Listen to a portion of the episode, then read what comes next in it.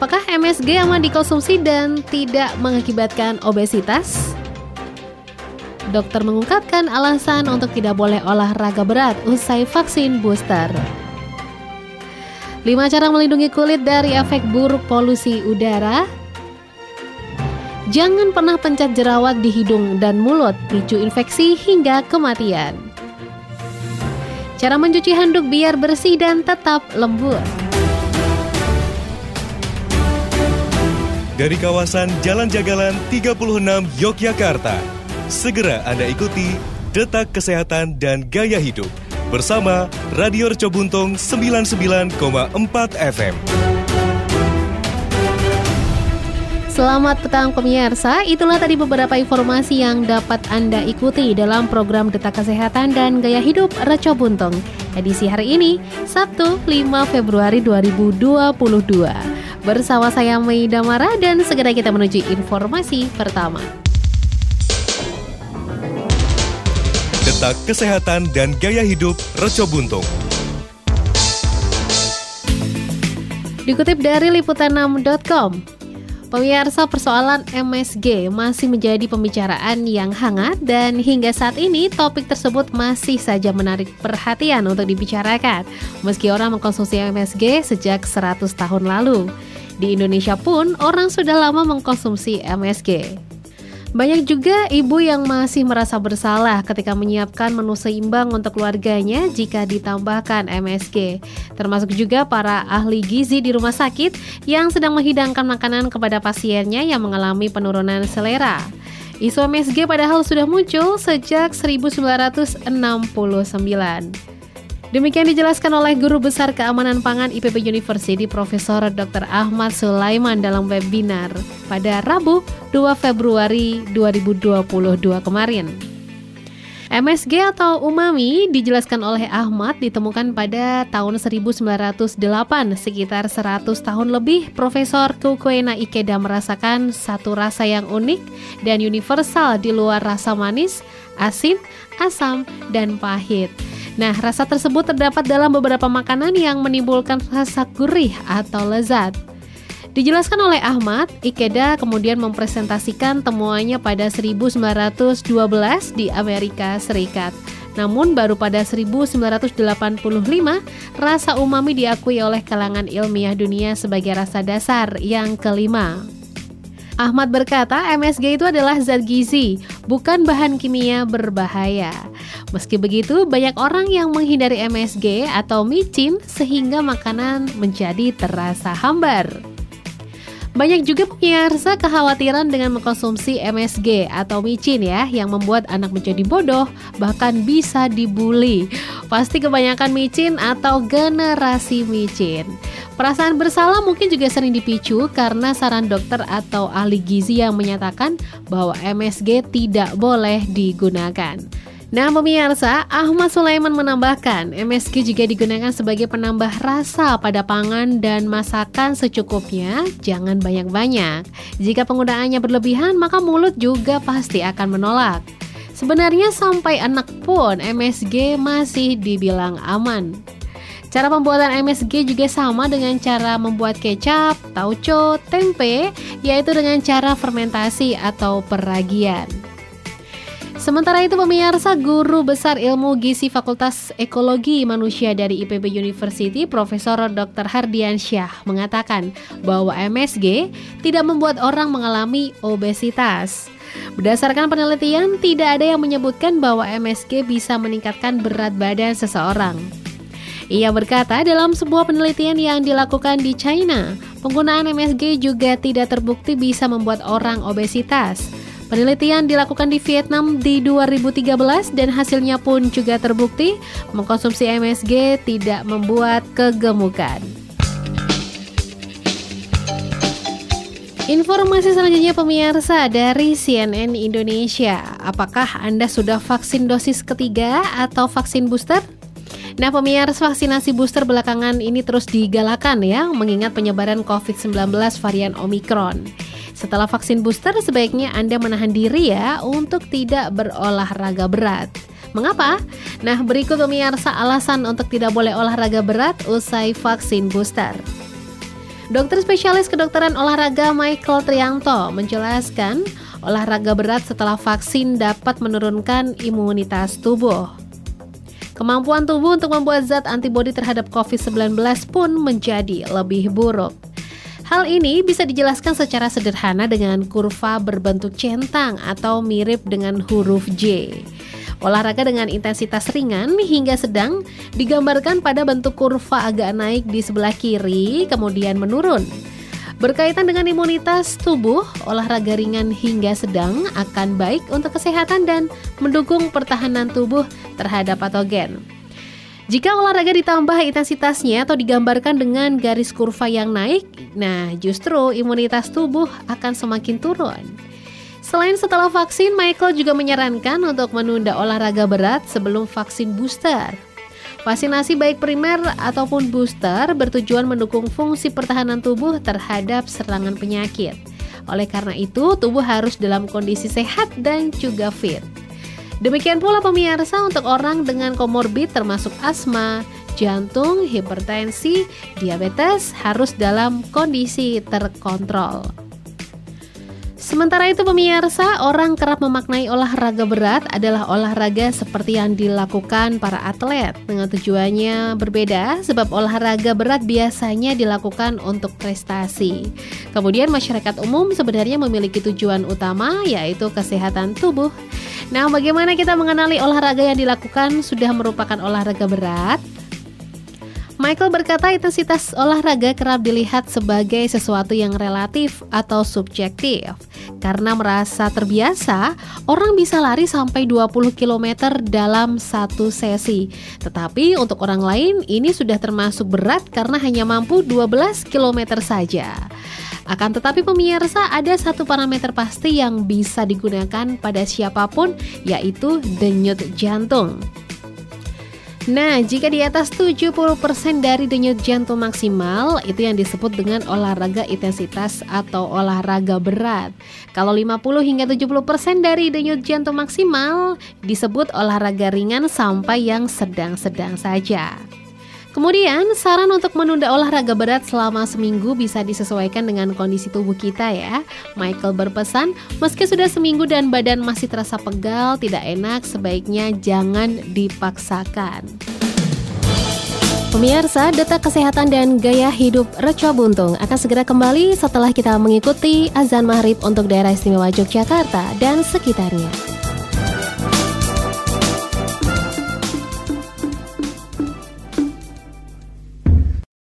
الله أكبر الله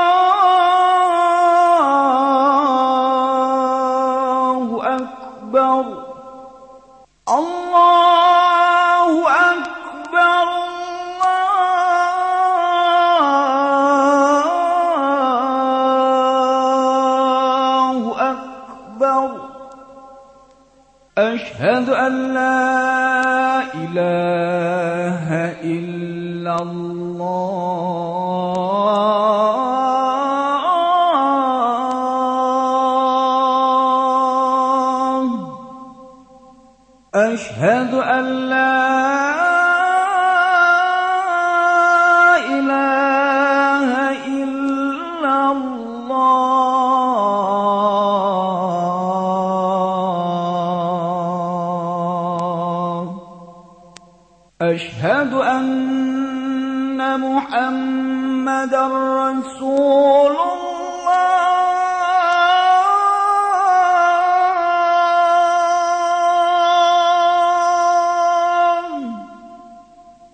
أشهد أن محمدا رسول الله.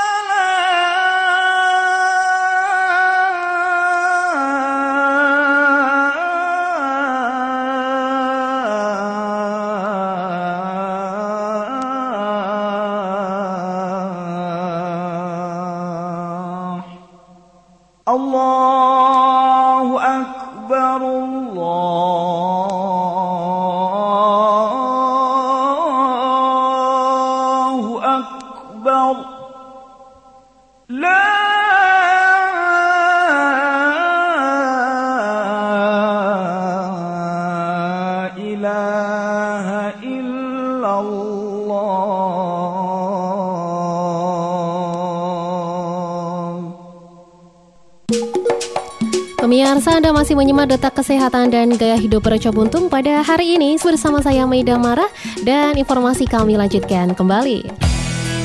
Detak Kesehatan dan Gaya Hidup Reco Buntung. Pemirsa masih dari CNN Indonesia. Polusi udara ternyata tidak hanya berdampak buruk untuk pernafasan, tetapi juga untuk kulit kita. Polusi udara bisa menyebabkan kerusakan radikal bebas seperti halnya paparan sinar matahari. Dijelaskan oleh ahli dermatologi yang berbasis di New York, Jennifer Clark, yang mengutip dari Everyday Health. Berdasarkan studi yang diterbitkan International Journal of Molecular Science, materi partikulat atau PM di udara mampu merangsang peradangan kulit dan mengganggu sintesis kolagen. Nah, seiring berjalannya waktu, kulit ini akan menunjukkan tanda-tanda penuaan. Dan studi lain memiars juga menyebut bahwa noda hitam di kulit berkaitan dengan polusi udara. Kemudian, bagaimana cara untuk melindungi kulit dari efek buruk polusi udara? Yang pertama adalah perawatan rutin setiap hari. Kulit merupakan bagian dari sistem kekebalan tubuh. Ahli dermatologi Annie Kappels mengingatkan jika benteng kulit terganggu, Anda sama saja membiarkan segala sesuatunya untuk masuk ke dalam tubuh, termasuk polusi udara. Polusi udara membuat vitamin kulit menipis sehingga perlu perawatan setiap hari untuk mengembalikan dan membuatnya kuat.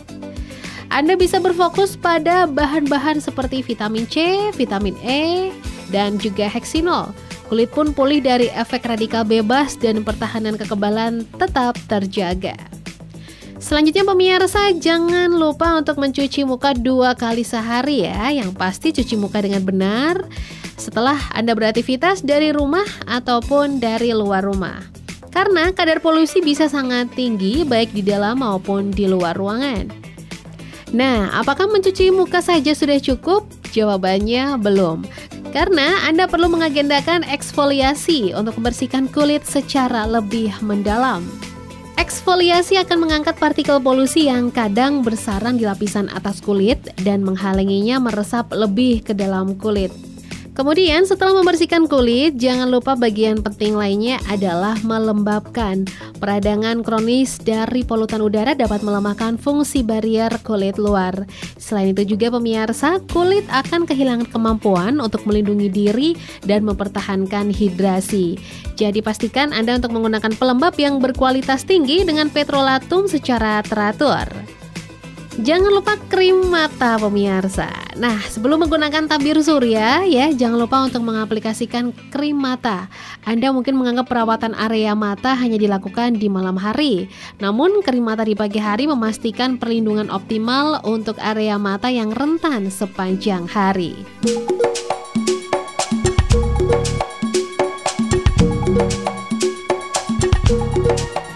Masih dari CNN Indonesia.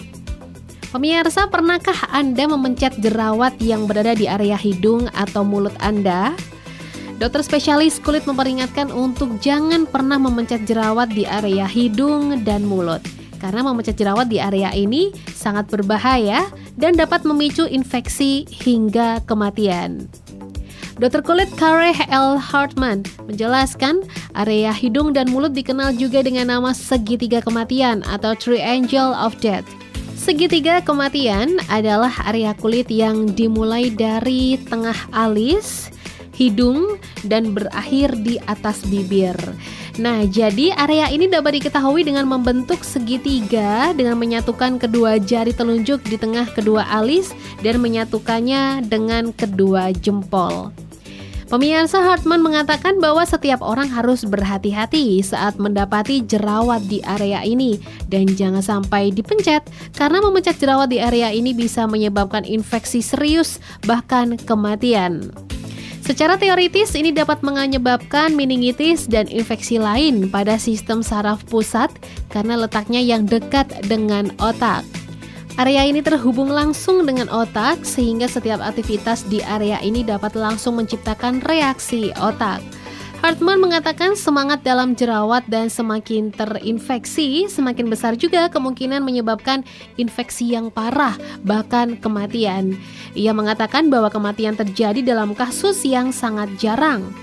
Alih-alih memecat jerawat di area ini, sebaiknya tangani jerawat dengan tepat ya pemirsa. Ketika jerawat muncul, tahan keinginan Anda untuk memencet. Sebaiknya konsultasikan dengan dokter Anda untuk pengobatan yang lebih tepat.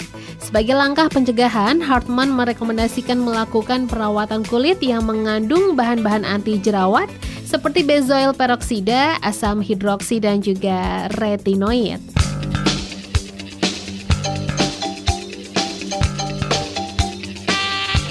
Informasi terakhir pemirsa masih dari CNN Indonesia. Handuk perlu rutin dicuci agar tidak menjadi sarang kuman dan bakteri. Ada cara mencuci handuk agar bersih dan menjaga seratnya tetap lembut. Cara ini bisa diterapkan baik ketika mencuci handuk dengan tangan atau manual ataupun menggunakan mesin cuci. Handuk yang digunakan setiap sehabis mandi harus tetap dijaga kebersihannya ya. Jika dibiarkan terlalu lama dipakai tanpa dicuci, nah ini akan menjadi tempat yang sempurna dan nyaman bagi kuman dan bakteri berkembang biak. Mencuci handuk disarankan sesering mungkin, akan tetapi handuk dapat segera dicuci jika sudah mengeluarkan aroma yang tak sedap karena menjadi indikasi pertumbuhan bakteri dan juga jamur. Nah pemirsa berikut cara mencuci handuk agar bersih yang bisa Anda terapkan mengutip dari berbagai sumber. Yang pertama pisahkan handuk dengan cucian kotor yang lain. Cuci handuk terpisah dengan pakaian lain, serat kain yang dimiliki handuk lebih lembut dan mudah rontok dibandingkan material pakaian lainnya. Jika dicuci bersamaan, serat benang pada handuk dapat rontok dan menempel pada pakaian. Selain itu juga, handuk tidak memerlukan sabun atau deterjen sebanyak pakaian biasa, merajuk dari Taste of Home. Terlalu banyak menuangkan deterjen dapat meninggalkan residu pada serat handuk dan membuat handuk malah terasa keras dan juga gatal. Selanjutnya pemirsa, handuk mandi dapat dicuci setelah 3 atau 4 kali penggunaan. Meski tampak bersih, namun handuk ini rentan terhadap pertumbuhan jamur dan terkontaminasi bakteri E. coli yang menyebabkan penyebab penyakit dan infeksi. Frekuensi penyucian handuk ini berlaku untuk keadaan normal ya. Artinya handuk selalu dijemur sampai kering usai digunakan. Tidak digantung begitu saja dan dibiarkan lembab. Kemudian jangan lupa untuk mencuci handuk menggunakan air hangat. Kenapa? Karena air hangat ini lebih efektif membunuh kuman dan membilas kotoran yang menempel pada handuk. Selain itu juga air hangat dapat melarutkan deterjen lebih banyak sehingga meninggalkan sedikit residu yang tertinggal pada handuk dan merujuk dari laman Turkish Towel. Caranya pemirsa, Anda bisa menuangkan deterjen secukupnya saja ke dalam ember atau mesin cuci, kemudian tambahkan air hangat sampai sabunnya larut ke dalam air sebelum mencuci handuk Anda. Soda kue ternyata dapat dimanfaatkan untuk mencuci handuk agar terlihat bersih sekaligus menjaga warna handuk tetap cerah. Jadi soda kue ini bisa membantu melonggarkan serat dan membersihkan bahan kimia atau kotoran sehingga handuk akan lebih lembut. Pelembut kain dapat mengandung bahan silikon yang membuatnya kurang menyerap. Nah, alternatifnya bisa dengan menggunakan cuka untuk mengembalikan kelembutan dan daya serap handuk. Cuka ternyata juga dapat menghilangkan sisa deterjen yang menempel pada handuk yang membuatnya menjadi keras dan juga kaku. Pemutih kain memang efektif menghilangkan noda dari handuk dan menjaga warnanya tetap putih bersih. Namun pemirsa, menggunakan pemutih kain terlalu sering hanya akan merusak serat dan memperpendek umur handuk. Jadi gunakan pemutih saat mencuci ketika memang dibutuhkan saja. Kemudian yang terakhir adalah jemur handuk di bawah sinar matahari. Sinar matahari dapat mempercepat proses menjemur. Di samping itu juga menjemur handuk dengan cara dibentangkan di bawah sinar matahari langsung dapat membantu membunuh bakteri. Akan tetapi pemirsa, usahakan ya untuk tidak menjemur handuk di bawah terik matahari langsung lebih dari setengah jam hingga satu jam. Karena terlalu lama menjemurnya di luar terkena panas dapat membuat handuk menjadi keras rusaknya serat dan memudar warnanya. Pemirsa, ayo kita kompak dan serius mencegah penyebaran virus corona dan lindungi anggota keluarga dengan anteng di rumah saja. Jika terpaksa keluar rumah, segera mandi dan ganti baju setelah dari luar rumah. Stop menggantung baju setelah dipakai di luar rumah. Ganti baju segera sesampainya di rumah. Jangan bersandar atau menyentuh apa pun sepulang dari bepergian. Hindari kontak dengan anak-anak atau anggota keluarga lainnya sebelum mandi dan ganti baju.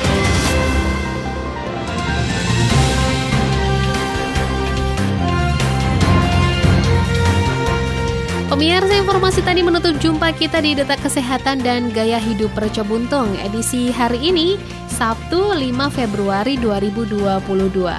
Ikuti Detak Kesehatan dan Gaya Hidup setiap hari Sabtu dan jangan lewatkan Detak Hukum dan Kriminal esok petang pukul 18 waktu Indonesia Barat yang disiarkan Percobuntung 99,4 FM. Saya Maida Mara undur diri. Terima kasih atas perhatian Anda. Selamat petang, tetap jaga protokol kesehatan, dan selamat berakhir pekan. Pemirsa, telah Anda ikuti Detak Kesehatan dan Gaya Hidup. Produksi Reco Buntung 99,4 FM.